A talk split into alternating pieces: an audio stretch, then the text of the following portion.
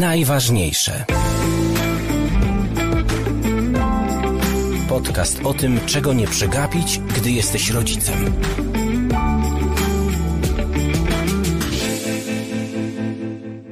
Bycie wystarczająco dobrym rodzicem zrobiło w ostatnich latach zawrotną karierę.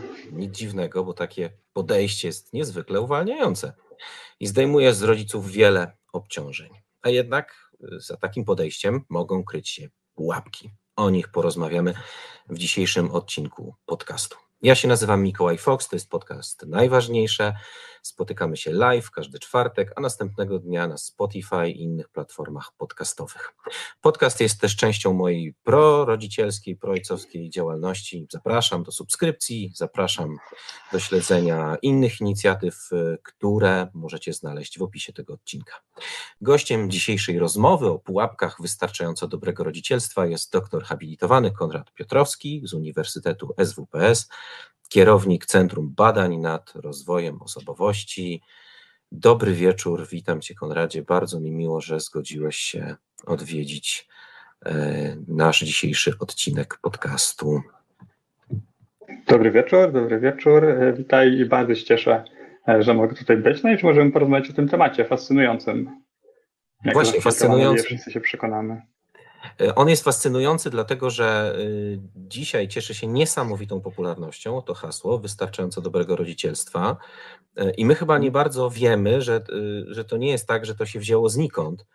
E, no i to jest to właśnie moje pierwsze pytanie. Skąd się wzięło pojęcie wystarczająco dobrego rodzicielstwa? Skąd ono pochodzi? Mhm. No, jak wiele rzeczy dotyczących rodzicielstwa, to jest, to jest koncepcja zaczerpnięta z psychologii i stworzona też przez psychologa, czy też przez psychoanalityka, bo Donald Woods Winnicott e, nie był chyba z wykształcenia psychologiem, był lekarzem, e, o ile pamiętam pediatrą, e, był też psychoanalitykiem, a więc terapeutą, pracował z rodzinami, pracował z rodzicami i on w latach 70. wprowadził właśnie taką, ta, taki termin w jednej ze swoich książek, hmm, zatytułowanych Zabawa i rzeczywistość, ale tutaj wszyscy, którzy teraz mnie słuchają, powinni to sobie zweryfikować, e, wprowadził ten termin e, wystarczająco dobrej matki. Wtedy jeszcze e, w latach 70. ojcowie niespecjalnie liczyli się w opiece nad dzieckiem, więc on nie mówił o wystarczająco dobrym rodzicu, czy też niewiele miejsca poświęcił wystarczająco dobremu ojcu, mówił o wystarczająco dobrej matce, ale my dziś oczywiście po 50, 60 już prawie latach od, od, od wydania książki Winnicotta wiemy, że, no, że to już troszkę trąci myszką. Hmm, natomiast sama koncepcja sama koncepcja oczywiście przebiła się gdzieś do społecznej takiej świadomości. Jest fajna, rzeczywiście, może, tak jak powiedziałeś, bardzo trafnie, że jest taka, może być uwalniająca w pewnym, w pewnym znaczeniu, ale jednocześnie ona mm, tak językowo może nas wprowadzić na pewną minę. Bo kiedy słyszymy o tym, że, że w rodzicielstwie należy być wystarczająco dobrym, to pojawia się taka pewna pułapka, żeby używać tego jako, jako takiego wytrychu u, albo, albo mm, e, wyjaśnienia, czemu pewnych rzeczy nie robimy, na przykład, albo czemu pewne rzeczy robimy źle, dajemy na to. No czemu po prostu zawalam rodzicielstwo? Na przykład, na przykład. Czyli robimy coś źle, czujemy, że, że to nie jest to, prawda? Mamy jakieś nasze zasady, standardy, albo dziecko nam mówi, albo ktoś inny nam mówi, prawda, że mm, to nie jest ok. Natomiast my sobie myślimy, no ale przecież no nie sobie jest jakimś super rodzicem, nie bez przesady. E, dziecko jest nakarmione, najedzone, chodzi do szkoły, prawda, ma te oceny jak, jakieś tam w miarę, może nie wszystko jest super, no ale bez przesady, prawda? Myślimy sobie, mając gdzieś w głowie koncepcję good enough mother, prawda, wystarczająco dobrej matki. Tymczasem bycie wystarczająco dobrą matką w rozumieniu właśnie tej koncepcji psychologicznej, e, w, w rozumieniu Winnicota wcale nie jest proste i wręcz jest trudne, wymaga wielu kompetencji, wymaga dużej wrażliwości, cierpliwości, żeby zasłużyć sobie na, te, na, na, na, na, na to, że, żeby nazwano nas wystarczająco dobrym mhm. rodzicem. No i właśnie, to, bo tu jest niestety ten taki językowy zgrzyt, prawda, że jak w języku polskim mówimy wystarczająco dobry, to my mamy na myśli, że, że jest taki, że tuż powyżej jakiegoś minimum, prawda? Okej, okay, przeskoczył mhm. poprzeczkę, jest wystarczająco dobrze, jest ok, ale bez, no nie jest jakoś super. Tymczasem bycie wystarczająco dobrym rodzicem nie jest łatwe. No, no właśnie, co, co tak naprawdę w tej koncepcji y, starej, bo rzeczywiście, jeżeli to jest, y, są lata 70., jeżeli to jest te 50 lat, ja mam wrażenie, hmm. że ta koncepcja, to podejście, to sformułowanie, to zdanie, ono jest y, popularne w Polsce, nie wiem, od 10, 15 lat. Sądzę, że 25 hmm. Temu mało kto o nim słyszał. To na czym polega ta koncepcja z punktu widzenia jej autora? Mhm. No tak, przede wszystkim rzeczywiście zgodzę się z Tobą, e, że, że, że ta koncepcja przeniknęła gdzieś do, takiej, do takiego publicznego dyskursu nie tak dawno, ale w Polsce wszystko przeniknęło nie tak dawno. No nie czarujmy się, prawda? 30 e, lat temu jeszcze nic nie przenikało prawie, prawda? 35 lat temu przenikała tylko myśl radziecka, E, no a teraz już przenika, e, a teraz no właśnie, od paru dekad na szczęście przenikają do nas takie nowinki, które gdzieś tam na świecie stale nie są nowinką, one są nowinką u nas. No ale dobra, wracając do, do, te, do tej koncepcji wystarczająco dobrej matki. No więc e, Winnicott mocno wiązał wystarczająco dobre rodzicielstwo z wiekiem dziecka, e, czyli bycie wystarczająco dobrym rodzicem, kiedy dziecko ma rok, to jest coś zupełnie innego niż bycie wystarczająco, wystarczająco dobrym rodzicem trzynastolatka albo wreszcie dwudziestolatka. E, bo wystarczająco dobry rodzic to jest taki, e, który na różnych etapach przede wszystkim potrafi się dostosować do możliwości swojego dziecka, do jego potrzeb. On zna te potrzeby, rozumie je, rozumie, czemu dziecko zachowuje się tak albo inaczej, czego to dziecko potrzebuje, czego temu dziecku brakuje. On to rozumie, i do tego się dostosowuje.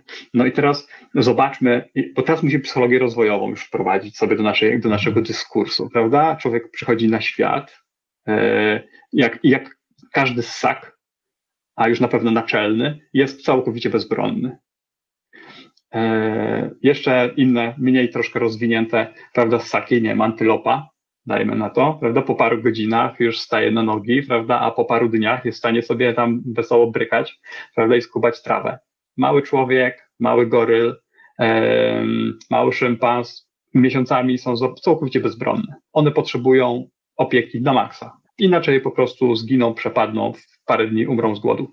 No i ewoluowaliśmy w te, właśnie w takim, w, w tym, w ta, e, ewolu, nasz proces ewolucji przebiegał w tym kontekście, prawda? Jesteśmy tacy, nasze, nasze dzieci przychodzą cały czas z tym bagażem e, na świat, czyli z różnymi mechanizmami, którymi informują świat dookoła, potrzebuję pomocy, prawda? Jestem bezbronny, przyjdź do mnie. Co dzieci robią? No one nie mają zbyt wielu, zbyt szerokiego repertuaru, prawda? Jakiegoś Łe. Łe. Ale rzeczywiście rozpaczają. Krzyczą, wzywają. Po jakimś mhm. czasie krzyczą, wzywają. Po jakimś czasie zaczynają wodzić wzrokiem za nami. Prawda? Po kilku tygodniach po przyjściu na świat. Po jakimś czasie, jak już troszeczkę im się motoryka rozwija, zaczynają wskazywać palcem.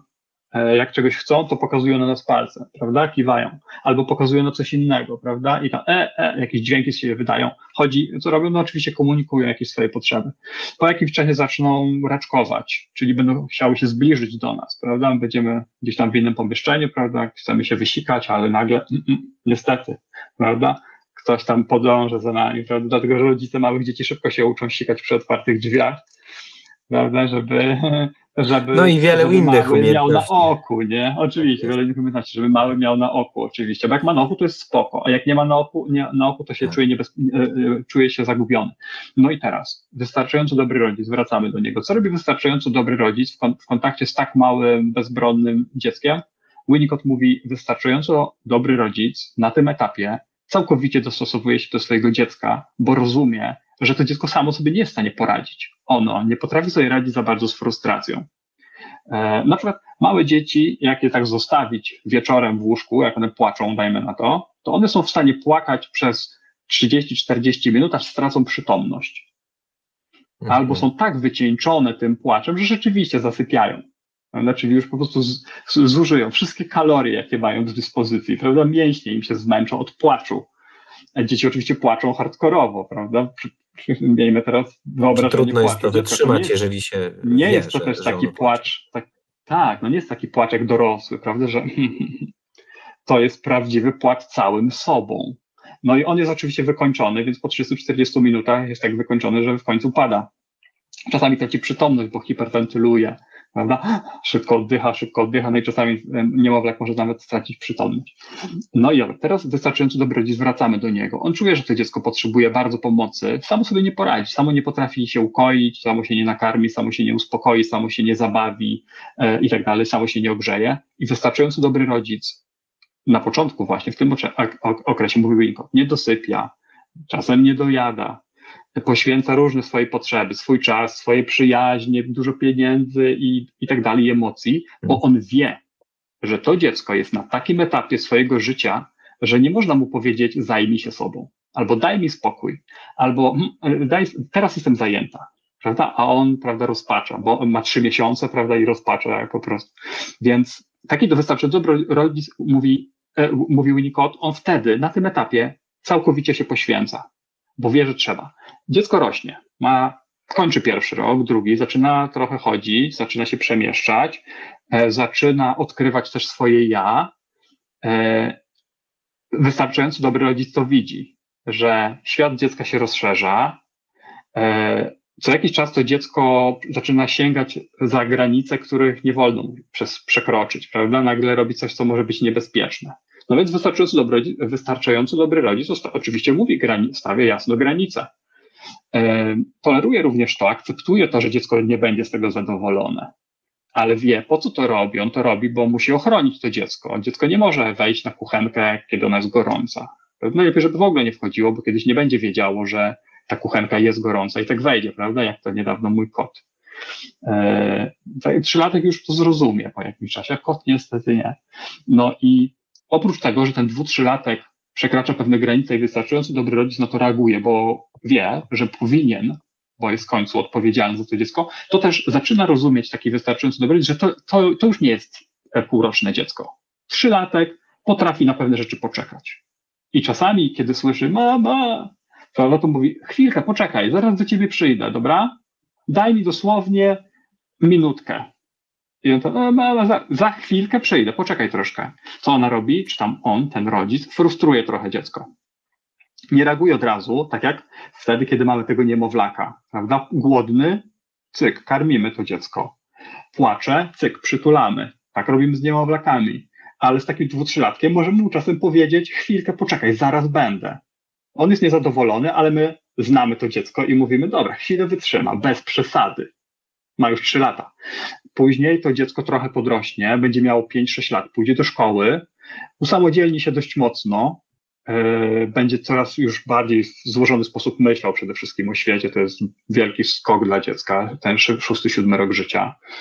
E, zacznie analizować różne, no w szkole się pojawią różne problemy, ale też pojawi się duży zakres samodzielności. No i znowu, rodzic to zauważy, mówił Nikos, że to dziecko tak, ma różnych nowych przyjaciół, swoich znajomych, gdzieś tam odchodzi trochę od tego, od tego domu i znowu rodzic to wykorzysta. Powie, ok, skoro on jest na to gotowy, on jest w szkole przez tam 6-7 godzin, tam sobie robi, na, na świetlicy siedzi, prawda, zupki je na, w, w, tym, tym, w tej szkolnej stołówce, prawda, znaczy jest już wystarczająco gotowy do tego, żeby pewne takie samodzielne kroki podejmować. Więc coraz częściej mu się mówi, wiesz co, ale nie teraz, wiesz, albo w ogóle, niestety, wiesz, teraz to nie.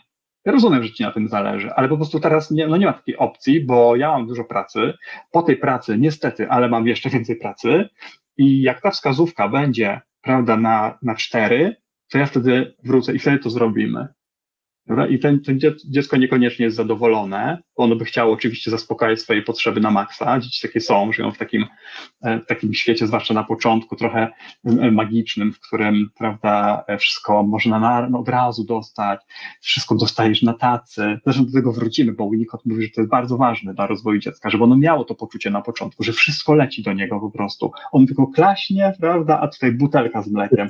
On tylko zapłacze, a tu mama przybiega że to jest ważne, ale, ale tylko wtedy. Później przestaje być ważne i wystarczająco dobry rodzic to wie, bo co on, bo co on robi? On ma kompetencje emocjonalne, on zna to dziecko, jest z nim blisko, rozumie je, wie czemu jest tak, a nie inaczej. No i a czemu wystarczająco dobry? Bo teraz trzeba to powiedzieć. No czemu no więc, no więc w takim właśnie. razie, bo właśnie, bo opowiadam o tym, prawda, i to brzmi tak, że tak wow, to jest tak trudne bardzo. To czemu on to nazwał wystarczająco dobry? Bo ten wystarczająco dobry rodzic się wycofuje powoli świadomie czasem mówi dziecku nie. Nie teraz. poczekaj, przykro mi, ale nie. Rozumiem, że jesteś zły, ale po prostu nie. Czyli kończy się dla dziecka ten taki magiczny, magiczny etap, w którym wszystko leci, prawda, z, z nieba. On zapłacze, mama przytula. On jest głodny, mama butelka. E, on tylko chce się bawić, a tutaj, prawda, zabaweczki, zabaweczki. Kończy się ten czas. I to jest właśnie wystarczająco dobre rodzicielstwo. Nie takie, które jest od razu, natychmiast.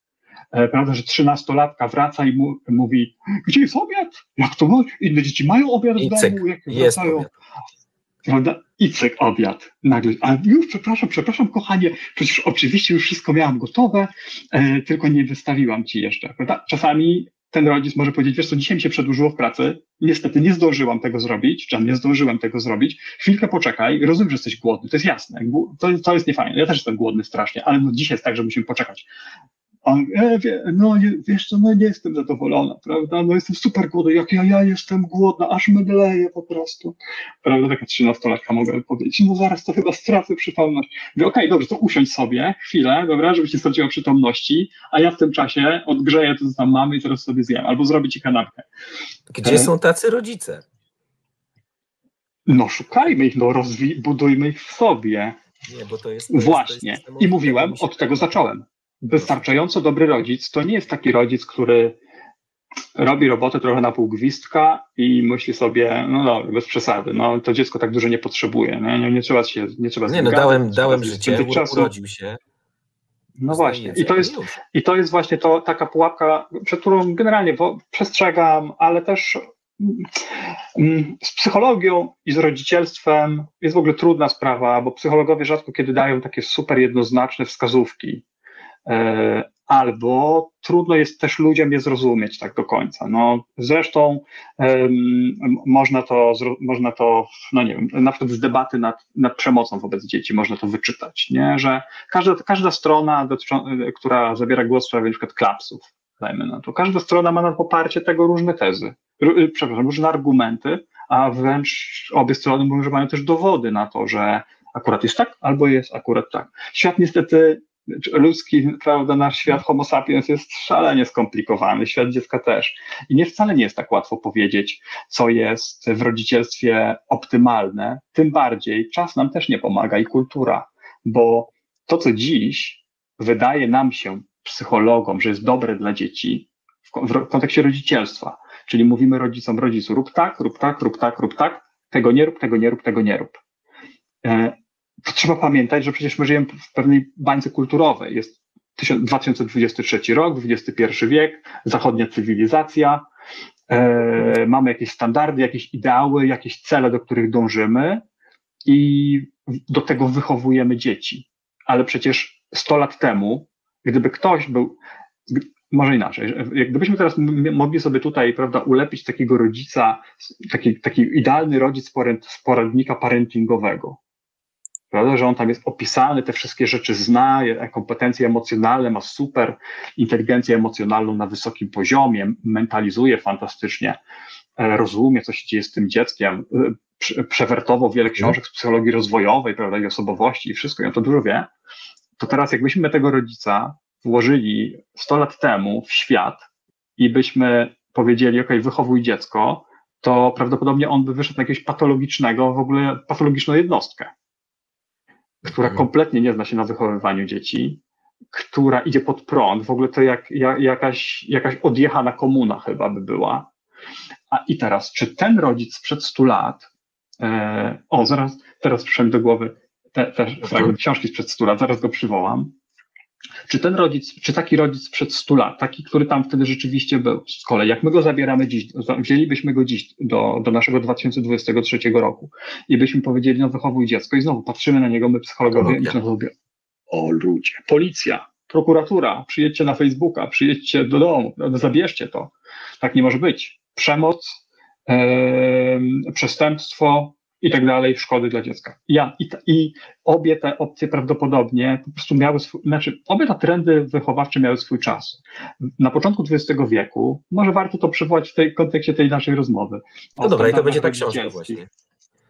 To będzie ta tak. książka, bo pierwszy, po, jeden z pierwszych podręczników dla rodziców powstał w latach dwudziestych w Stanach Zjednoczonych. E, napisał go zresztą super słynny e, psycholog John Watson, który dla, dla naszej dyscypliny zasłużył się naprawdę bardzo, bardzo. Jest Imię, nazwisko brzmi bardzo dobrze. Właśnie, właśnie. Ojciec założyciel współczesnej, współczesnej psychologii, podwaliny metodologii stworzył. No, do dziś John Watson żyje głęboko w sercach wszystkich naukowców, psychologów. Co, co właśnie ciekawe i o czym mało osób wie, to to, że Watson jest też autorem jednego z pierwszych podręczników dla rodziców, e, zatytułowany właśnie Opieka psychologiczna nad dzieckiem i niemowlakiem, jakoś, coś, jakoś tak. I, no i to był taki klasyczny parentingowy poradnik, gdzie on prawda, wykładał trochę wiedzy psychologicznej, aktualnej i mówił rodzicom, no to teraz zachęcamy do tego, prawda, zachęcamy do tamtego i tak dalej. No i w tym mhm. poradniku parentingowym, fantastycznym zresztą, co roku, jak zaczynam rozwojówkę e, na, na wykładach psychologii rozwojową, przepraszam, tak trochę skróciłem, zaczynam psychologię rozwojową na wykładach, to pokazuję studentom, bo to jest genialne wejście do, do, do rodzicielstwa i do psychologii. No, John Watson napisał tak, że dobry, dobry rodzic to jest taki, który nigdy nie przytula dziecka, nigdy nie pozwala siadać na swoich kolanach, e, nie spędza z dzieckiem czasu poza pewnym minimum, które jest niezbędne. E, nie chwali dziecka. Na pożegnanie e, żegna się z dzieckiem przez uściśnięcie dłoni, a kiedy dziecko zrobi coś dobrze, prawda, to kiwa głową z uznaniem, prawda, albo go poklepuje po plecach.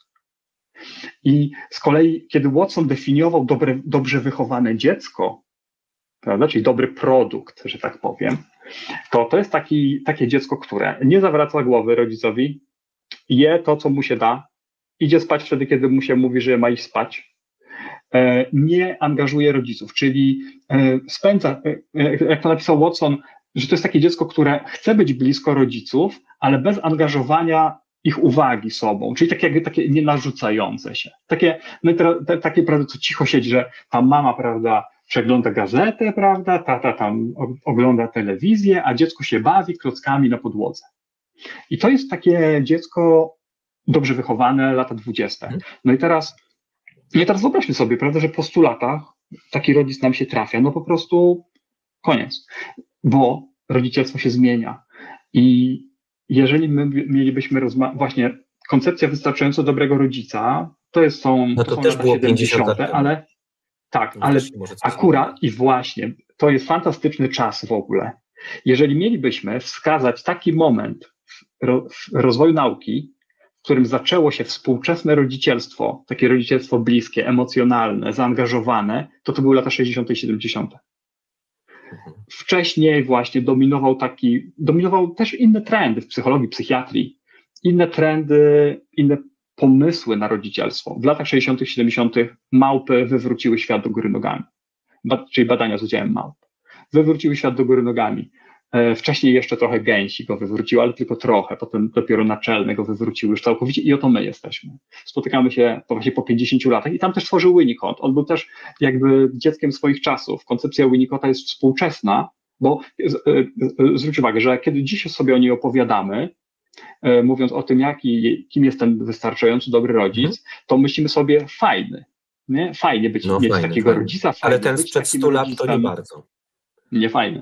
Fajnie być takim rodzicem, więc ta koncepcja sprzed 50 lat, ona nie jest wcale przestarzała. My wciąż, ten, ten ideał pewien tkwi w nas, bo Winnicott nie był jedynym. W tamtych czasach, latach 60., 70., tworzyło wielu, którzy pchnęli psychologię na nowe tory, rodzicielstwo też na nowe tory i, i do dziś, do dziś jedziemy y, siłą impetu, którą wtedy nam nadano.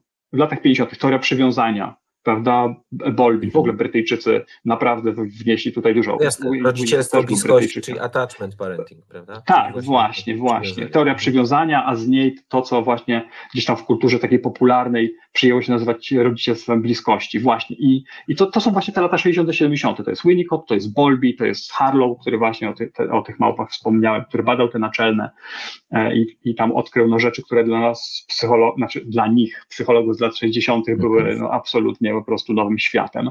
I, te, I ten świat stworzyliśmy. I teraz nam się wydaje, badamy, badamy dzieci, badamy rodziców, i wydaje nam się, że to, co dziś rodzicom proponujemy, to jest przepis, dobry przepis na współczesnego człowieka, bo bo teraz właśnie, to, to też powinienem powiedzieć, bo, bo wiem, że 100 lat temu, gdybyśmy takiego rodzica z 2023 przenieśli o 100 lat, to on by się tam nie odnalazł.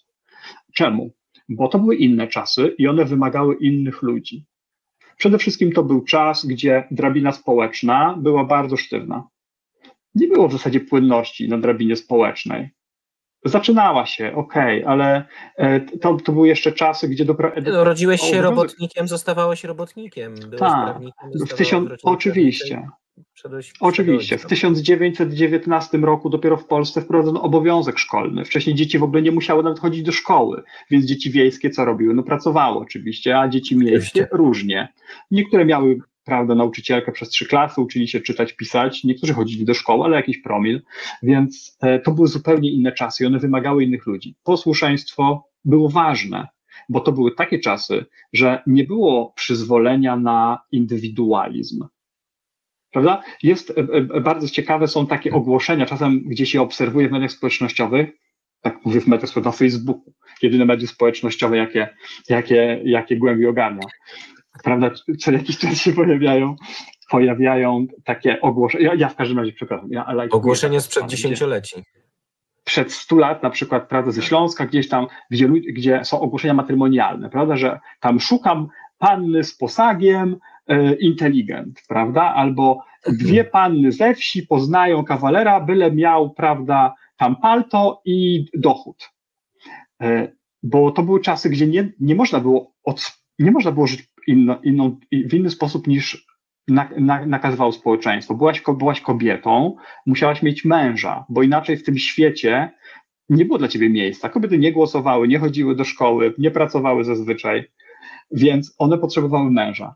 Kolei mężczyźni, no oczywiście musieli komuś przekazać ten swój, e, ten, ten swoje, tę swoją familię, prawda, nazwisko i to wszystko, więc potrzebowały jakiejś panny na wydanie i tak dalej. Nie dało się żyć po swoim. I ten świat potrzebował tego, żeby dzieci wychowywać do tego świata żeby o te dzieci nie kontestowały niczego. One nie, nie, nie, nie były wychowywane do tego, żeby mówiły, jak, się, jak, jak coś ci się nie podoba, to to powiedz. Nie, jak coś ci się nie podoba, to siedź cicho. Takie A dzisiaj, czasy. A dzisiaj mamy inne Właśnie. czasy, inne wychowanie Właśnie. i chcę bardzo wrócić do tej, tej przerwy 50 lat, bo to, o czym mhm. mówisz, y, lata 70., ta koncepcja, mhm. przepraszam, ona brzmi wspaniale, że ten mhm. rodzic wie, jak się zachować na danym etapie. A tak. dzisiaj, kiedy mówimy o wystarczająco dobrym rodzicielstwie, to mówimy, nie ogarniam ale to jest po prostu część mojego życia i, i tak to będzie wyglądało. Dzisiaj, kiedy napisałem na Facebooku, przepraszam, o tym y, temacie dzisiejszej naszej rozmowy, mhm. to pojawił się taki komentarz. Kobiety. Coraz częściej marzę, żeby być chociaż wystarczająco dobrym rodzicem. Mhm. Nie sądzę, że to jest osoba, która pozwala swoim dzieciom chodzić głodnymi. Myślę, że bardzo nie dba ale jako psycholog słyszysz takie sformułowanie dzisiaj, coraz częściej marzę, żeby być chociaż wystarczająco dobrym rodzicem. Zresztą zachęcam, jeśli ktoś chce napisać komentarz, my tu jesteśmy live, można to zrobić. To, to co, co tam słyszysz? Okej, okay, no właśnie. I świetnie, że po pół godzinie naszej rozmowy teraz wracamy, wchodzimy już z całym impetem we współczesny świat. Bo rodzicielstwo jest współcześnie bardzo, bardzo trudne. O wiele trudniejsze niż dawniej. E, I potrzebujemy, tak uważam, nowego przepisu też na rodzicielstwo, bo uważam, że i nie jestem tym odosobniony, że nasz, nasza cywilizacja niestety zaczęła trochę przeginać e, z rodzicielstwem. Co masz z koncentracją, już ci mówię, z koncentracją na dzieciach e, i ich potrzebach. No bo teraz wróćmy do wystarczająco dobrego rodzica e, z koncepcji Winnicota. E, to jest rodzic, który jest tym bliżej swojego dziecka, im ono bardziej potrzebuje tej bliskości, i tym dalej, im mniej ono potrzebuje. Im dziecko starsze, tym częściej rodzic, mówi Winnicott, wraca do siebie. Bo, e, bo coraz częściej mówi dziecko, ale ja też tu jestem, prawda? Dziecko, ja mam swoje potrzeby, nie teraz rozumiem, że ci na tym zależy, ale ja mam inne plany, dajmy na to. Albo um, ok, ale zrób to z tatą, dobra, bo ja naprawdę nie mogę po prostu. Następnym razem zobaczymy, ale teraz nie. Czyli ten rodzic się wycofuje, on wraca do siebie, mówił Unicode. Początkowo rodzic powinien poświęcić się dziecku, bo on tego potrzebuje, ale potem powinien wrócić do siebie. No i teraz współczesny świat niestety poszedł w tym kierunku, że rodzice nie wracają do siebie. I to wypacza wręcz koncepcję wystarczająco dobrego rodzica, bo my dziś chcemy być idealnymi rodzicami. I jak tego nie zrealizujemy, to mamy z kolei poczucie, że całkowicie zawalamy. E, to ma, to ma szereg, to, to ma szereg jakby takich swoich przyczyn. Po pierwsze, jesteśmy my, my społeczeństwo coraz bardziej perfekcjonistyczni. E, perfekcjonizm jest plagą, która która się przetacza przez rozwinięte kraje już od lat 80. z coraz większą mocą. My sami coraz więcej od siebie oczekujemy. Standardy dla bycia dobrym pracownikiem, dobrym rodzicem, dobrym mężem, dobrą żoną rosną.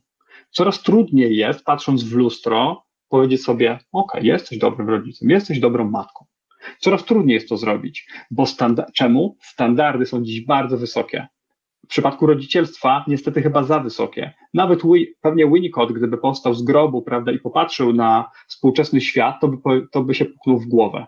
I powiedział, poczytajcie książki. Ona musi wrócić do siebie. On musi wrócić do mhm. siebie. Dziecko musi nauczyć się tolerować frustrację. Musi stracić tą taką. A, do tego miałem wrócić. Zaraz to zrobię.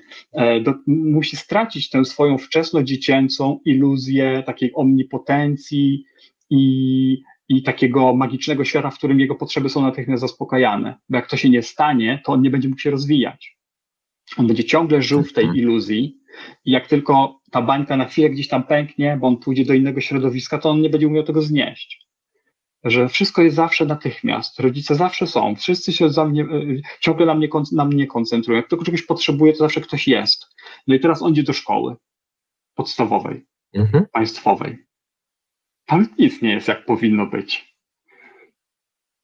Ty to powiedziałeś. Dzieją się tam cuda po prostu. Cuda. Moja córka jest w siódmej klasie, ja wiele wiem.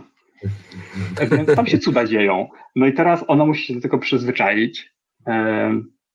No i, no i teraz ona musi, no bo no tak, ona musi zrozumieć, że pewne rzeczy tam się nie będą działy nie tak, jak powinny. Nie, że na przykład nauczyciele będą mówić, jesteś najgorszą klasą w całej szkole. Ja to w ogóle jestem, jestem zadziwiony, że taka klasa może istnieć. I moja córka wraca i mówi, o co chodzi, przecież ja nic nie robię. Jestem dobrym uczennicą, siedzę cicho, prawda, zawsze jestem przygotowana. To czemu oni mówią o liczbie mnogiej, a nie mówią, że, prawda, tam Krzysiek czy Bartek czy ktoś tam coś zrobił, tylko mówią, że cała klasa. No ja mówię, no widzisz, no nauczyciele czasem po prostu się denerwują, czasami może nie umieją tego nazwać, a czasami po prostu jest im łatwiej, bo nie mają zasobów, żeby sobie z tym poradzić, są zmęczeni, wypaleni, czasami po prostu mają dość wszystkiego i chcą mieć na skróty, więc mówią, jesteś najgorszy ze wszystkich, siedź cicho. Prawda, zamiast powiedzieć, Marta, gdzie się zachowałeś? Ja to rozumiem, no ale niestety w klasie są pewne standardy. Nie wolno ci tak zachowywać. Zraniłeś Marysię, prawda? Ona teraz jest smutna, straciła swoją własność. No rozumiesz, że tak nie może się zachowywać, nie? Przecież się lubicie z Marysią, nie chcesz jej krzywdzić, prawda? No to, ale on tego nie zrobi, co on mówi, no ciach, ciach. Ale, um, ale ta wypowiedź to jest wypowiedź kogoś, kto ma naprawdę zasoby. Takiego dorosłego, który właśnie spokojnie mówi, wiesz co, no tak, teraz tak, no teraz tak, inaczej. Jasne. Ale gdzie Prawda. tacy dorośli są? No tak, no oczywiście, że jest ich. Nie, nie. No, no, dobra, dobra, ale nie, to, był, to, był, to tylko wyimaginowana szkoła, oczywiście nie. To nie jest przykład, e, przykład z życia mojego dziecka. E, dobra, więc, ale wracając teraz do, tego, do tej koncepcji. Pa, e, to, co się dzieje od, od, jakiegoś czasu, co obserwujemy też w badaniach. Ja od jakiegoś czasu do tego tak zafascynowałem się badaniem nad wypaleniem rodzicielskim, bo uświadomi, e, ten nurt badawczy, on jest obecny w psychologii od niedawna, uświadomił mi, że my chyba przegięliśmy, że to wahadło rodzicielstwa się nam wychyliło za bardzo. W latach 60., 70., my psychologowie też, my tu mamy dużo naprawdę za uszami. Zafascynowaliśmy się tymi koncepcjami e, e, psychoanalitycznymi, takimi ewolucyjnymi, o, biologicznymi, które nam, powie, które nam udowodniły, to jest prawda, to nie jest nieprawda, że dzieci przychodzą na świat z pewnymi potrzebami i z pewnymi wzorcami rozwojowymi, które po prostu są i my musimy się do nich dostosować. Dzieci potrzebują obiektu przywiązaniowego. On musi reagować mhm. jakoś na, na potrzeby tego dziecka. Jak nie, no to mogą być kłopoty. Więc my się, no i psychologowie się tym zafascynowali, sprzedaliśmy to światu, bo to prawda, tak jest. Ale mhm. zapomnieliśmy o rodzicach. I to jest coś, co ja teraz trochę z takim, że tak powiem, pokoleniowym poczuciem winy próbuję odkopać od jakiegoś czasu, bo zazwyczaj, kiedy ostatnio się pojawiam gdzieś, prawda, dziennikarze mnie zapraszają do różnych e, właśnie spotkań, wywiadów czy coś, to zazwyczaj już teraz rozmawiamy o smutnych rzeczach. I ja tam mówię tak, mhm. rodzice są obciążeni, są zestresowani, są przekonani o tym, że robią złą robotę, że nie dają sobie rady jako, jako rodzice, ale większość z nich wcale taka nie jest po prostu standardy, które stawia im dzisiejszy świat, są nie do przeskoczenia bardzo często. Zawsze bądź dostępny. Jak dziecko płacze, to zawsze musisz go zrozumieć. Jak dziecko nie może być samotne, prawda? Więc zawsze bądź. Wracasz z pracy, prawda, po 8-10 godzinach, utyrany, ale co robisz? No, wsiadasz i zamieniasz się w konia, prawda? Patataj, patataj, patataj. Prawda? Bez tata, zabawa, mhm, prawda? Mhm. Więc patataj, tak, patatajujesz czyli... do 21. Czyli tutaj się pojawia taki wątek, że to wystarczająco dobre rodzicielstwo, którym my dzisiaj żyjemy, to jest. Czy ja dobrze to rozumiem? Bo tak, tak chwytam, staram się chwytać tą myśl mhm. i, i, wyczuć też y, puls życia, którym sam żyję i żyją Jasne. moi znajomi, że my tak naprawdę staramy się być świetni, stuprocentowo dostępni, nie dajemy rady, bo to jest po prostu nie do zrobienia wypalamy się, nie wracamy do siebie, więc się wypalamy e, i mówimy sobie, dobra, tak naprawdę to można to nakarmiony, ogarnięty, tak, to wystarczająco dobrym jestem rodzicem. Czyli mhm. nawet prze, przez to, że próbujemy celować gdzieś tu, ale nam się nie udaje, więc jesteśmy gdzieś tu, a wystarczająco dobre rodzicielstwo jest gdzieś tutaj. O to właśnie chodzi. O tym właśnie chodzi, że e, my nie żyjemy właśnie coraz częściej, zwłaszcza w zachodnim świecie, zwłaszcza w świecie takich rozwiniętych, zamożnych gospodarek. To jest zresztą też fantastyczne, że wypalenie rodzicielskie najczęściej do, w największym stopniu doświadczają rodzice z bogatych, zamożnych, rozwiniętych, liberalnych krajów demokratycznych. E, mhm. I to jest bardzo ciekawa rzecz, bo kiedy prawda, takie badania, e, kiedy, nie, może inaczej, kiedy przyjmujemy taką globalną perspektwę na, patrzenia na świat, prawda, to zazwyczaj, prawda, myślimy sobie tak, no, że jest taki ten pierwszy świat, mm, prawda, ulice pięknie wyasfaltowane, latarnie pięknie świecące, prawda, pensja tam 2000 euro miesięcznie, super świat.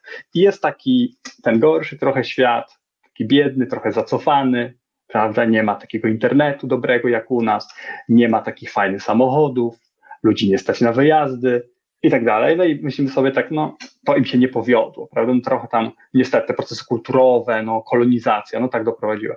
Tymczasem okazuje się, że jak poszukać rodziców, którzy najbardziej są tą swoją rolą rodzicielską wycieńczeni, zniechęceni, to są właśnie rodzice w tych krajach. Zamożnych, rozwiniętych, bogatych. Pierwszy świat. To są właśnie ci. Czemu? co najmniej kilka przyczyn, od kulturowych przez społeczne. E, e, ze względu, jednym z przyczyn jest to, że jesteśmy zapracowani, nie mamy wsparcia, chcemy wszystko mieć już dziś, chcemy mieć pieniądze, super pracę, być super kochankiem, prawda, e, mieć super hobby, fajnie spędzać czas, być super rodzicem, wszystko chcemy mieć na 100% po prostu, więc po prawda, około 30 to już jesteśmy pff, wycieńczeni tak, że ledwo się zwlekamy z łóżka. No i teraz wpada nam dziecko, prawda? Pierwsze, bo czasem drugie dziecko, czasem trzecie dziecko. No i okazuje się, że po prostu sobie z tym nie radzimy, bo my nie żyjemy właśnie jak, jak wystarczająco dobry rodzic. My żyjemy, my chcemy być fantastycznym rodzicem. Super ojciec, prawda? Jakaś super fajna mama, że taka prawda jak w serialu, albo gdzieś tam z Dzień Dobry TVN, prawda, tam otwieramy sobie telewizor, a tam prawda jakaś celebrytka, prawda, mówi, no, prawda, z Krzysiem, prawda, tu wyjeżdżamy pięć razy na narty, prawda, mamy super dużo czasu, tak wczoraj w środę wstaliśmy o dziesiątej dopiero z moim Bobaskiem, prawda, poszliśmy do parku, pojeździliśmy rowerkiem, no i patrzymy na to i sobie myślimy, kurde, ja od trzech dni to z dzieckiem byłem tylko dwie godziny dziennie, e, jak nie spało. I, I, niestety wszyscy tutaj mamy, wszyscy mamy trochę za uszami, w znaczeniu takim, że podwyższamy poprzeczkę i nie tylko rodzicom, podwyższamy mhm. też sobie, pracownikom, podwyższamy studentom, podwyższamy uczniom w szkołach. Taki, niestety, taki świat stworzyliśmy. I y mm, Wiesz co, ja w no. tym kontekście co mówisz, chciałbym przeczytać komentarz Pawła, bo Paweł fajnie napisał, że coś takiego. W szkole rodzenia, przed narodzeniem mojego pierwszego syna załamałem się przed pielęgniarką, że nie dam rady być idealnym ojcem. Zobacz, to jest o tym, ale jeszcze, jeszcze mhm. jest kawałek dalej. A ona odpowiedziała: będziesz najlepszym ojcem, jakim możesz być, tu i teraz. Dało mi to ogromną pewność na przyszłość. No i co? No to jest Okej, trochę o tym byciu okej, ideałem, nie? No tak, tak. Z- Bo zobacz, bo em, teraz może przekład, może trochę przekładając tego Winnicota na, na taką współczesność, czyli trochę odejdźmy od niego, pomyślmy sobie No teraz. właśnie. Co to znaczy być dobrym rodzicem dzisiaj? Właśnie, o to chodzi. Co to Hmm. znaczy być dobrym rodzicem dzisiaj? E, No i teraz tak. Jako rodzic jesteśmy rzeczywiście odpowiedzialni za to dziecko. To jest fakt. E, Sprowadziliśmy je na ten świat, ono się na ten świat nie prosiło. My, my to zarządziliśmy, że tak powiem. E, Mamy to dziecko, jesteśmy za nie odpowiedzialni. E, Różnego rodzaju przepisy prawne, kodeks, kodeks prawda, rodzicie, e, ten kodeks em, nie wiem, jakieś rozporządzenia o prawach dziecka i tak dalej, tak dalej, nakładają na nas pewne obowiązki. Dziecko ma prawo do tego, żeby szczęśliwie sobie żyć, prawda, i tak dalej, i tak dalej. Oprócz tego wiemy, że dziecko ma pewne potrzeby, które powinny być zaspokojone, bo jak nie są zaspokojone, to jego rozwój niestety może ulec zaburzeniu. I- Jakie potrzeby masz na myśli? No, pe- pewne podstawowe, takie nazwijmy sobie potrzeby psychologiczne, jak na przykład, e, na przykład potrzeba poczucia kompetencji. E, Jeżeli dziecko wzrasta w środowisku, w którym nabiera przekonania takie wręcz niekompetentne, że jest wadliwe, że jest, nie wiem, głupie, bo tak, bo to słyszy, prawda? Bo mu się to mówi, no nie bierze tego znikąd, e, to, no to jego pewna bardzo podstawowa potrzeba, jaką jest potrzeba, potrzeba poczucia kompetencji, że jestem w czymś dobry, niestety ulega zaburzeniu. I frustrowanie podstawowych potrzeb, nie, nie robimy tego. Albo staramy się tego nie robić. Albo może inaczej, staramy się to robić w najmniejszym stopniu, jak się da. Czyli hasło, które kiedyś usłyszałem do, od y, ojciec i syn, chłopak się przewrócił i mówi, ty idioto, ty nawet o własne nogi się potykasz. Tak nie robimy. Nie robimy. Nie robimy. E, bo są takie potrzeby, które powinniśmy jako rodzic na pewnym poziomie minimum, powiedzmy sobie szczerze, zaspokoić. Chyba, że chcemy naprawdę, no nie wiem, odwalić tę robotę rodzicielską, po prostu mam, nie interesuje nas to, co się z tym dzieckiem stanie, czy będzie, nie wiem, padnie w depresję, będzie się kaleczyło, nie wiem, wejdzie w jakąś grupę negatywną, żeby sobie odpokutować, prawda, różne rzeczy, albo zło się odreagować, albo żeby zyskać to poczucie, Mhm. bo tam nagle ktoś go poklepie po plecach, mówi, hej, jesteś super, nie, ale fajnie z tobą się spędza czas, ale ekstra, że jesteś z nami, nie, zapal sobie, albo, no nie, cokolwiek. Grupy tak działają. Grupy są dla nastolatków często pewnym takim, taką zastępczą formą realizowania potrzeb. No i teraz, e, no i teraz wracając do tego rodzica. Ja uważam, jako specjalista, ale też jako rodzic, że pewien, pewien mini, pewne minimum, i to jest ten współczesny chyba wystarczająco dobry, do, wystarczająco dobry rodzic, musimy z siebie dać, bo taką rolę na siebie przyjęliśmy. E, To no, trochę jak z pracą, prawda? Jak idziemy do jakiejś pracy i nam tam płacą kasę za to, że my wykonujemy zadania, to chodzimy do tej pracy każdego dnia na ósmą czy tam dziewiątą. Nie zawsze wszystko jest super. Czasem się spóźniamy, czasem coś jest, y, nie dowieziemy, prawda, jakiegoś rzeczy, czasem coś innego się stanie, ale chodzimy do tej pracy, bo wiemy, że to nasze zadanie. Rodzicielstwo też jest pewnym zadaniem i uważam, że takie podstawowe potrzeby, jak właśnie nie wiem, poczucie kompetencji albo poczucie, albo potrzeba posiadania bliskich relacji, czyli takie przekonanie, że dziecko wie, że ono nie jest samo, że jak jemu się coś dzieje złego, ktoś go krzywdzi na przykład, to on wie, że są ludzie, do których on może pójść i porozmawiać. I, no i znowu, e, nie tak dawno dość, dość głośno, takim szerokim echem się odbiły badania, chyba właśnie w Polsce przeprowadzone, a może nawet przez Fundację Dzieci nie żyje, czy przez Fundację Dajemy Dzieciom Siłę, e, z których wynikało, że z których wynikało, że połowa dzieci w Polsce nie ma nikogo, z kim mogło, żadnego dorosłego, z którym mogło porozmawiać o swoich problemach. Mhm. I to jest właśnie, to jest właśnie jeden z tych, ty, ty, to to będzie ta grupa dzieci, w, w, w, dla których ta potrzeba, podstawowa potrzeba posiadania bliskich relacji, dających poczucie bezpieczeństwa jest niezaspokojona. No bo jak 13-14-latka nie ma żadnego dorosłego, do którego może się zwrócić, to niestety, ale my dorośli chyba zawiedliśmy tą 14-latkę. Nie rówieśnika, tylko dorosłego, prawda? Tak, tak, przepraszam, dorosłego. To, ty, to dorosłego. jest bardzo, znaczy nie, to ty to powiedziałeś, ale ja chciałbym to Tak, przepraszam. Że, że my dorośli tutaj gramy ogromną mhm. rolę, nawet wtedy, to kiedy to są nastolatkowie i my myślimy może, że oni już nas nie potrzebują, oni nas ciągle potrzebują. Ależ oczywiście, a to, to, to jest bardzo ciekawe, bo oni też nie mówią o tym, że nas potrzebują. Nastolatki nie mówią, że potrzebują swoich rodziców, wręcz przeciwnie, jak zapytane mówią, że nie potrzebują, ale my wiemy, że potrzebują.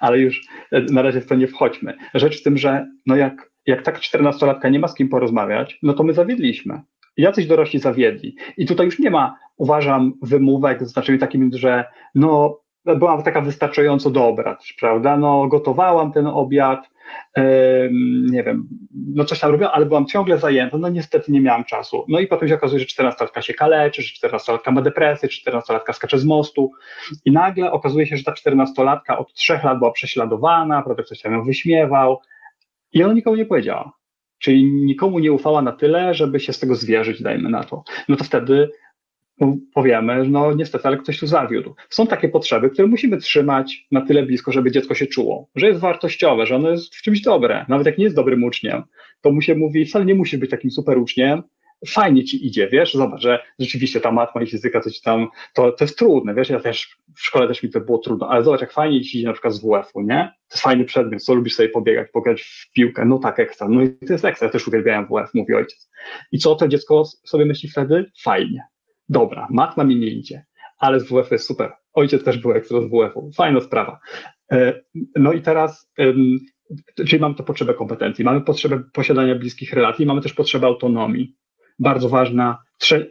Jest teraz taka, taka, taka bardzo fajna koncepcja psychologiczna, bardzo dużo furorę robi, polecam Państwu wszystkim. Trzy podstawowe potrzeby psychologiczne, o które powinniśmy dbać.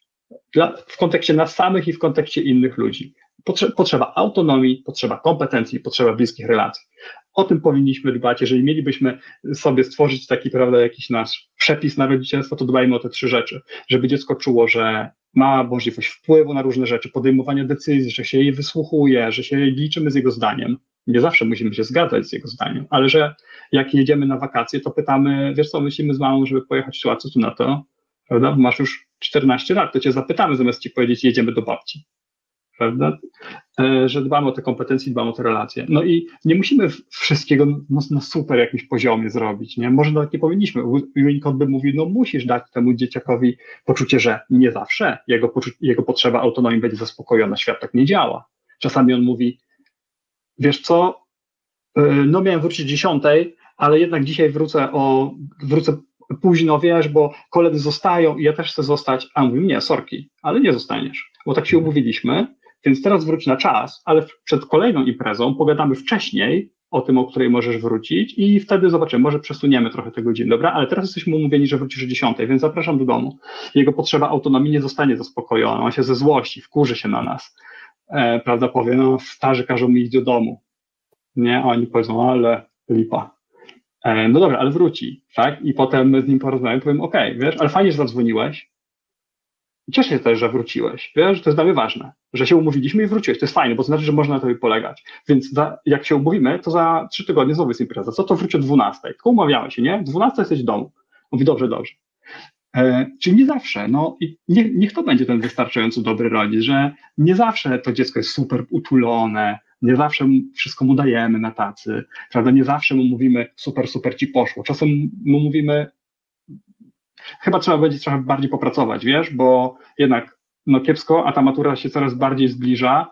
E, wiadomo, że to jest ważne dla wszystkich, nie? Dla ciebie też. No to, żeby jednak tą maturę ogarnąć, to nie, to musisz odstawić trochę PlayStation na chwilę, prawda, i zająć się trochę jednak tym czytaniem. Więc nie mówimy mu zawsze super, super, prawda, tak fajnie, że, prawda, w Counter Strike'a wszystkich rozwalasz. Nie, my mówimy, odstawiasz to, prawda, Trzeba i zabierasz się teraz.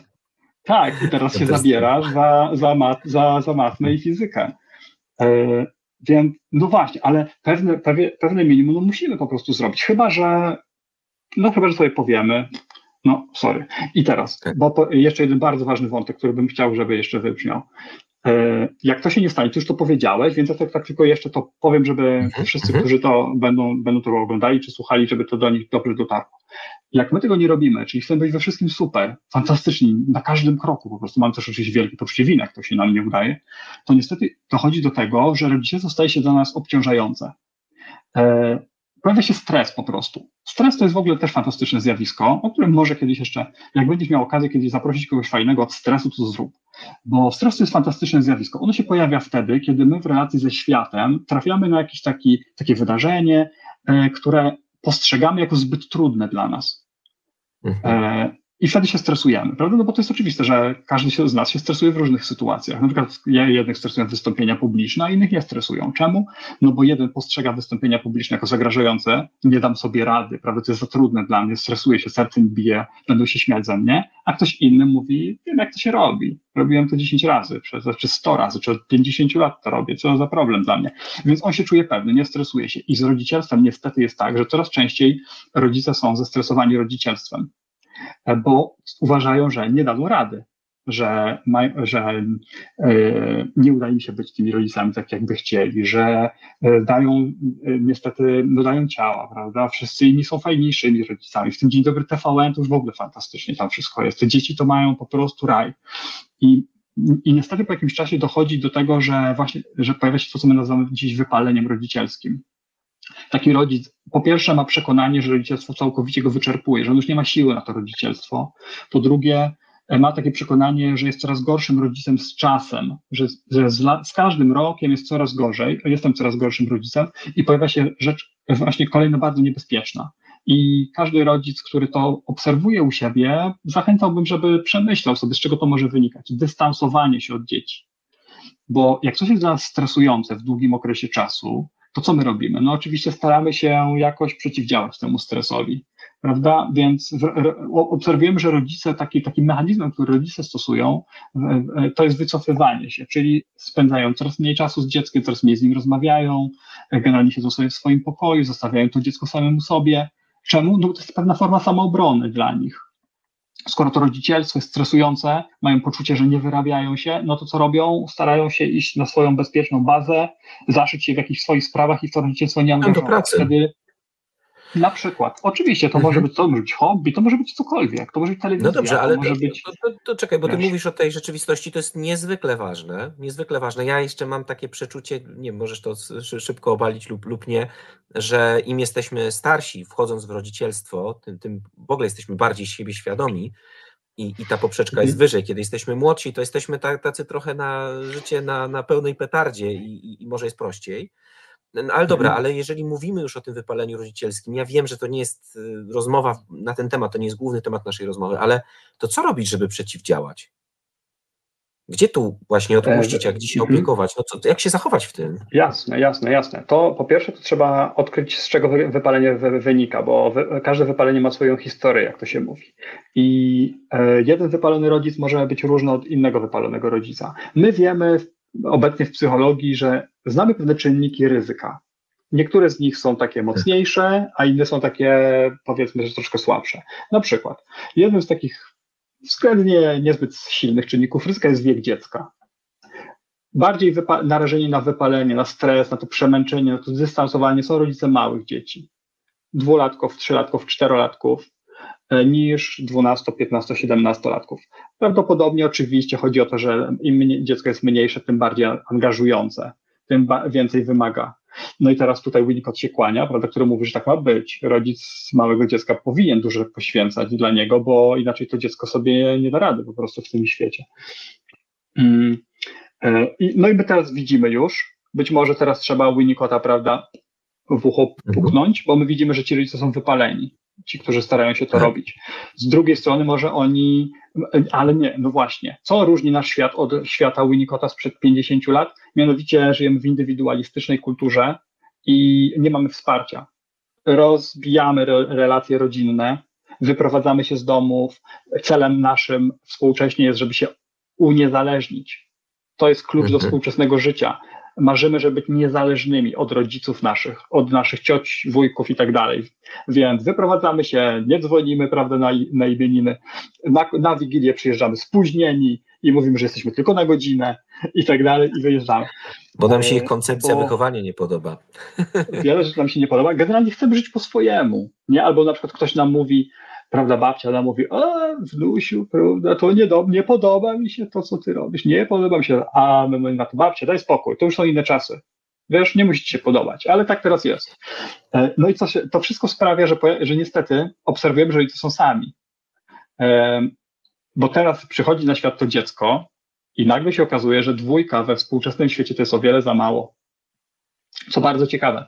Nie tak dawno e, znowu ukazały się bardzo ciekawe badania szwedzkie, chyba. Nie ma na pewno szwedzkie. Fajny kraj ta Szwecja, prawda? Bardzo egalitarny. E, prawa kobiet bardzo mocno przestrzegane. E, pay gap bardzo niewielki. Fajnie, mhm. e, żyje się w trzeci państwo opiekuńcze, ludzie zamożni, najbardziej wypalone kobiety no i co, w Europie. co wyszło z, z tych badań? Obok bo... Polek. Jedne z najbardziej wypalonych kobiet w Europie. Mhm. Czemu? Bo niestety zapomnieliśmy, że jak kobiety i mężczyźni poświęcają tyle samo czasu swojej pracy i rozwojowi kariery zawodowej, to ktoś jeszcze musi wychowywać dzieci i co bardzo mhm. ciekawe, zazwyczaj robią to one. E, zazwyczaj też w kraju bardzo indywidualistycznym, jakim jest również Szwecja, e, nie utrzymuje się bliskich relacji wielopokoleniowych, czyli takich, że prawda, dzwonimy i mówimy: Hej, babcia, wiesz co, mam teraz dużo roboty, może weźmiesz małego na dwa dni do siebie na weekend, a ja to nadrobię, bo mało tego jest. Ta babcia też nie ma za bardzo może już na to ochoty. My też nie bardzo czujemy, że, to, że jest to dobre miejsce, bo my jesteśmy odpowiedzialni we współczesnym świecie. I rodzice niestety zostają coraz częściej sami, więc się wypalają. W czasach Unikota być może jeszcze w latach 60. i 70. te relacje międzypokoleniowe były silniejsze, ludzie byli bliżej siebie. I dlatego też tak się wyjaśnia, czemu to właśnie w krajach najbardziej rozwiniętych ludzie są bardziej wypaleni, rodzice są bardziej wypaleni, bo w krajach mniej rozwiniętych ludzie bardziej poleg mhm. muszą polegać na sobie, bo zasoby są ograniczone, więc są bliżej rodziny, E, i rodzicielstwo jest łatwiejsze. Rodzicielstwo wychowuje cała wioska. E, Konradzie, właśnie powiedziałeś o tej całej wiosce. Ja mam wrażenie, że trochę tęsknota za tym właśnie udowadnia ją popularność tego powiedzenia, tak, że do wychowania jednego mhm. dziecka potrzebna jest cała wioska. To się chyba w ogóle zmienia, bo teraz tą, tą, całą wioskę pewnie też postrzegamy troszeczkę inaczej. Bardziej to są takie tak. relacje towarzyskie, koleżeńskie. To jest w ogóle ciekawy wątek, mhm. żeby jeszcze o nim powiedzieć, ale chciałbym bardzo przeczytać komentarz od Magdy, która pisze w ten sposób, że mhm. e, właśnie, skąd o takich podstawowych potrzebach dziecka ma wiedzieć, to jest cudzysłów przeciętny rodzic. Dorośli byli, i tu też cudzysłów, przed chwilą dziećmi kiedy był czas na naukę tego, jak wspierać własne dziecko? Mam wrażenie, że w dzisiejszych czasach najpierw bardzo dużo czasu trzeba poświęcić, aby zrozumieć siebie. Dopiero potem można realnie być dla dziecka. Co sądzisz o tym? No jak tak. się do tego odniesiesz? W pełni się zgadzam i od razu e, teraz zanim może no, zacznę z takiej nuty bardziej e, przygnębiającej, że tak powiem, że tak. rodzicielstwo współczesne jest rzeczywiście bardzo trudne, i w gruncie rzeczy nie wiem, co miałbym odpowiedzieć na to, co na ten komentarz, który przed chwilą e, przeczytałeś. Skąd rodzic ma, przeciętny rodzic ma wiedzieć? Ja niestety nie wiem. Ja się nauczyłem na studiach psychologicznych tego, o czym tutaj opowiadam. E, I jak moja córka się urodziła, to ja w gruncie rzeczy wiedziałem różne rzeczy, byłem na to przygotowany, bo po prostu miałem z tego kolokwium, że tak powiem. E, więc po prostu wiedziałem to skąd współczesny rodzic zazwyczaj niestety nie będzie tego wiedział. I to jest, to jest właśnie chyba przekleństwo współczesnych czasów i współczesnych rodziców, że straciliśmy to, co przez tysiące lat ludzie mieli, jasne, klarowne wskazówki. Co robić, jak być rodzicem.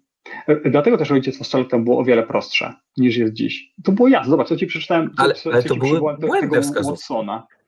W tamtych czasach nie. One były no błędne tak. tylko z naszej perspektywy. Ale jeżeli one były cały czas te same, no my dzisiaj nie chcieli, znaczy ja bym nie chciał podawać ręki tylko moim, moim dzieciom i żeby się generalnie tak, tak. Wolę ja, je przytulić. Nie, no jasne, jasne, ale zobacz, że ty dziś, nie, może inaczej. Rodzice dziś nie wiedzą tego, co, co, jak się zachowywać, bo 100 lat temu to było jasne, a 500 lat temu w średniowieczu to było w ogóle oczywiste. Co się działo? Dzieci zaczynały pracować, jak miały 5 lat, bo już były gotowe, wysyłało się je z krowami na pole i ono tam pracowało, było takim zasobem rodziny, trochę jak grabie. E, I było jasne, wszystko rodzicielstwo było super proste.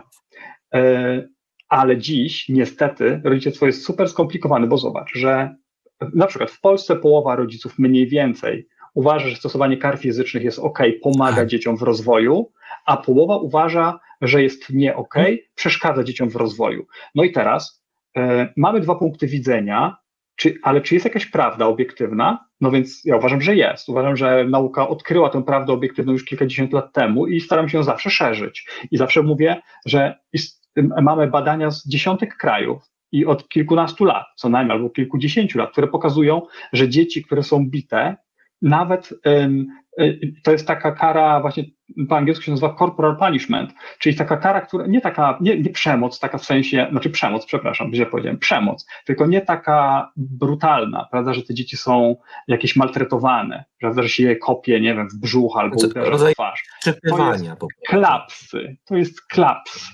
To jest klaps, to jest pociągnięcie za ucho, to jest pacnięcie w głowę, prawda, takie co robisz? To słuchaj, to, to ty e, mówisz, że są tak obiektywne. I...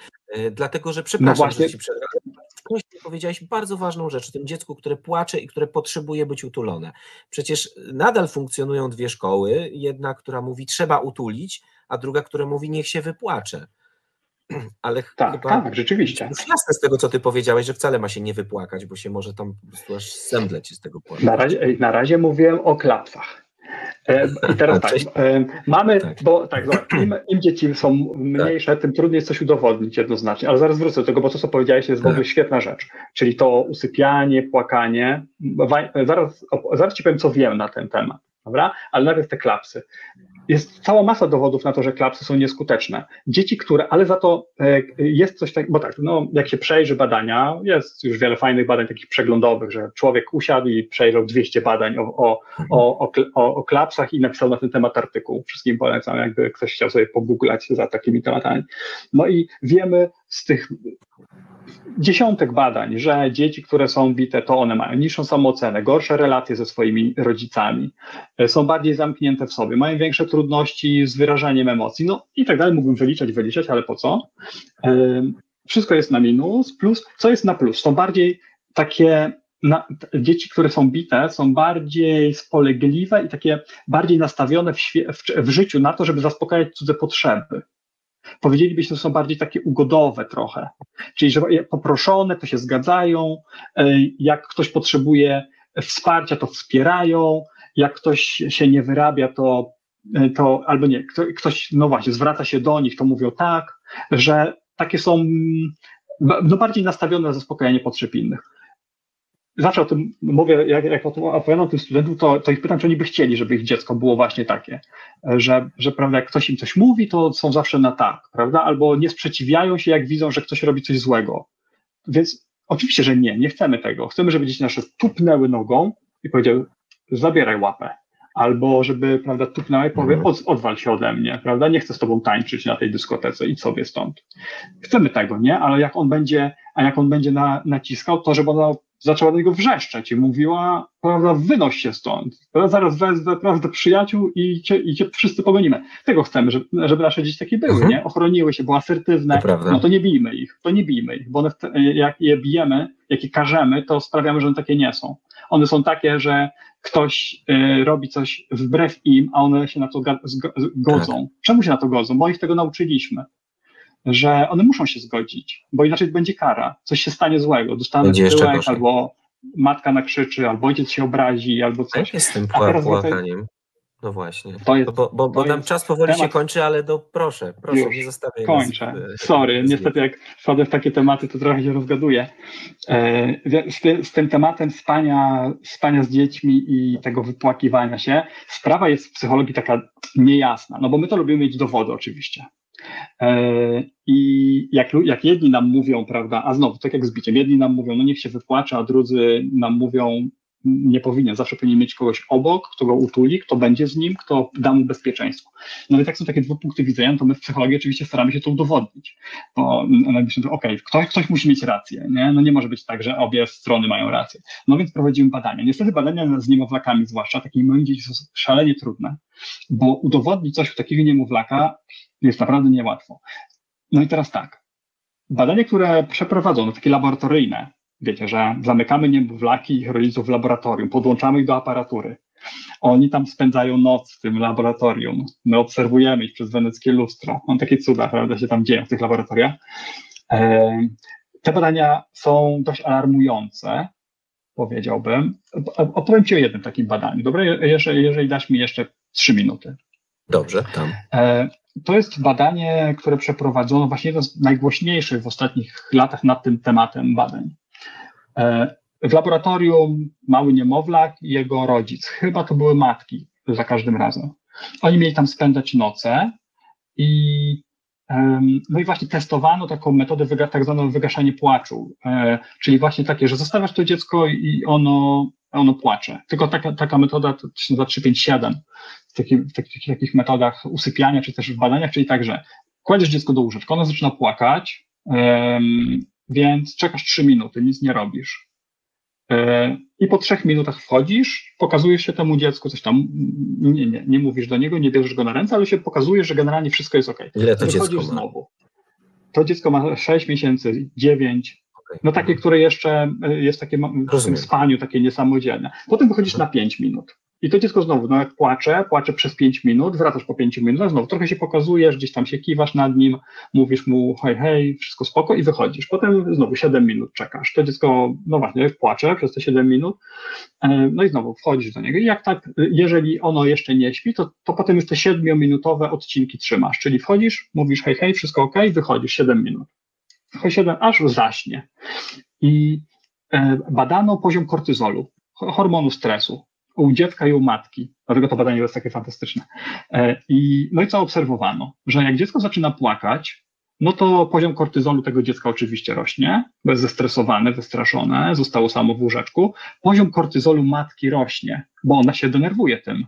Słyszy, że jej dziecko płacze, więc, mhm. myśli sobie, więc jej taki wrodzony mechanizm po prostu stawia ją na nogi. Mojemu Ona chce ratować dziecko. Złego, bo płacze kortyzol rośnie. No i teraz, po kilku dniach takiego treningu zasypiania, poziom kortyzolu, e, nie, przepraszam, po kilku dniach takiego treningu zasypiania dzieci coraz szybciej przestawały płakać. Więc poziom kortyzolu matek coraz bardziej się obniżał z czasem, prawda? No bo to dziecko nie płakało, więc ono mówiło, ok, jest wszystko dobrze, jest spokojne, więc fajnie, nie ma się co stresować. A poziom kortyzolu dziecka był wciąż na maksymalnym poziomie takim samym jak na początku co się stało? Ono przestało po prostu płakać, ale wcale nie przestało się bać. Ono po prostu nauczyło się, że płacz nie przynosi żadnej korzyści. Mhm. A my, my, zwierzęta, my, istoty żyjące, mamy taką znowu tendencję, że jak jesteśmy zagrożeni e, długotrwale, to oszczędzamy zasoby. Prawda? Dlatego na przykład przestajemy jeść, jak jesteśmy zestresowani, e, e, oszczędzamy tak jakby energię, prawda? czy oszczędzamy jedzenie na później. E, mówiąc trochę, trochę upraszczając e, e, sytuację. Więc, więc w tym badaniu to ono było o tyle niepokojące, że to dziecko po tygodniu, taki, czy po kilku dniach takiego treningu wciąż było tak samo zestresowane jak na początku, ale ona nie. I co to znaczy? Ona była spokojna, wydawało się, że z dzieckiem wszystko ok, ale to dziecko wciąż się bało. To jest takie badanie, które rzeczywiście przetoczyło się szerokim, szerokim, tak, tak, odbiło się szerokim echem w środowisku. Ale teraz ktoś inny zapyta, słusznie, ok, ale czy to ma jakieś długotrwałe konsekwencje? Czy to sprawi, że to dziecko za rok, za dwa, czy za pięć, czy za piętnaście? Ktoś to już przebadał? Nie. I wtedy ja muszę powiedzieć jako naukowiec, że nie wiem po prostu tego. Może to nie, może nie ma to żadnych konsekwencji, e, a może, a może ma. Podobnie jest ze spaniem, ale to jest inny temat. Na pewno już na tą rozmowę. Spanie z dziećmi. Mega fajny temat, o którym psychologia też trochę wie. Trochę badań przeprowadzono na temat tego, czy należy spać z dziećmi w łóżku. Wiesz, łóżko rodzinne tak zwane. Czyli, że dziecko przychodzi na świat i my następne 3-4 lata śpimy wszyscy w jednym łóżku w sypialni, tulimy się, coś tam. No i teraz, czy to dobre, czy to niedobre dla dziecka? No i co, to zap zapowiedziałeś właśnie następne spotkanie nasze. No może, może. To jest no fajny tak. temat. To jest, to jest znowu coś, to jest obszar pełen niedopowiedzeń, bo um, pamiętam, pamiętam taki, pamiętam właśnie, parę lat temu na, na jakimś, nie TVN, Polsacie, nie wiem, gdzieś był taki program Superniania. I to ta Superniania, tak, i ta Superniania generalnie odradzała spanie z dziećmi. spanie z dziećmi nie. E, tymczasem sprawa naprawdę nie jest tak prosta. No dobrze. Żeby to, można to, było powiedzieć, że można czy nie można. Ale to skomplikowana. właśnie zapowiedź, że nie wiemy, ale się może dowiemy. E, trochę wiemy, trochę wiemy. Sprawa jest znaczy nie, nie, mówię, my nie wiemy, którzy słuchamy, którzy słuchamy. A, okej. Okay. Ale to co, okay, też okay. się zaprosić, żeby o tym porozmawiać, o spaniu z dziećmi? No, jasne, tak, to jest super ważny temat, tak. I to, to nam da możliwość, żeby rozbroić pewną minę, bo rodzice są generalnie w dużym strachu, bo są tacy, co wierzą, że, moż, że należy, nie, że można, tylko że należy, bo to mhm. dzieciom daje, bo to bezpieczeństwo. I są tacy, co mówią, mm, mm, to jest krzywdzi, e, autonomia, bezpieczeństwo i tak dalej, i tak dalej. A prawda, bo my ją znamy, jest o wiele fajniejsza dla rodziców. Ale rozumiem, że mam nie mówić. No chyba, że to jest na 30 sekund, ale wtedy nie wiem, czy sens się spotykać. Nie, nie na 30 nie. sekund, na trochę więcej. Świetnie, zostajemy w niedopowiedzeniu. E, ja już teraz zapraszam, mam nadzieję, że się spotkamy, żeby porozmawiać o spaniu z dziećmi. Czy to dobrze, czy to źle? Super, bardzo lubię takie właśnie pytania, czy to dobrze, czy to Fajne źle. Potem się okazuje, że to zależy. E, dziękuję Ci za rozmowę o wystarczająco dobrym rodzicielstwie. Dzięki. E, super dużo inspiracji, co jest naprawdę wystarczająco dobrym rodzicielstwem a co może być pułapką. Bardzo dziękuję, że zgodziłeś się dzisiaj spotkać. Ja tylko przypomnę, doktor habilitowany Konrad Piotrowski z Uniwersytetu SWPS, kierownik Centrum Badań nad e, Rozwojem Osobowości, był gościem dzisiejszego podcastu. Dziękuję pięknie. Bardzo dziękuję. E, a ja dziękuję wszystkim Wam, za, drodzy słuchacze, za dzisiejsze spotkanie. Oczywiście zapraszam za tydzień. Za tydzień porozmawiamy o tym, jaki wpływ na dorosłe życie dziecka ma obecność obojga rodziców, tym bardziej w takich sytuacjach, kiedy nie zawsze ta obecność jest możliwa z wielu różnych powodów. Jeśli ten odcinek albo inny Wam się spodobał, to bardzo zapraszam do subskrypcji to subskrypcje budują nasze zasięgi, więc e, tym bardziej będzie mi bardzo miło. E, I oczywiście zapraszam też do innych inicjatyw. E, zbieramy grupę na ojcowskie warsztaty, które prowadzę na początku lutego. Połowa już jest, jeszcze można dołączyć. Polecam także mój inspirownik ojcowski, comiesięczny newsletter. No i oczywiście zapraszam mm, do słuchania podcastu starszych odcinków, kolejnych odcinków E, będzie, będzie się działo jeszcze. Plany są już dalekosiężne, więc, e, więc spokojnie do połowy stycznia wiemy, e, co będzie. Dziękuję jeszcze raz za wspólnie spędzony czas. Kłaniam się nisko wszystkim i mówię do usłyszenia. Do usłyszenia.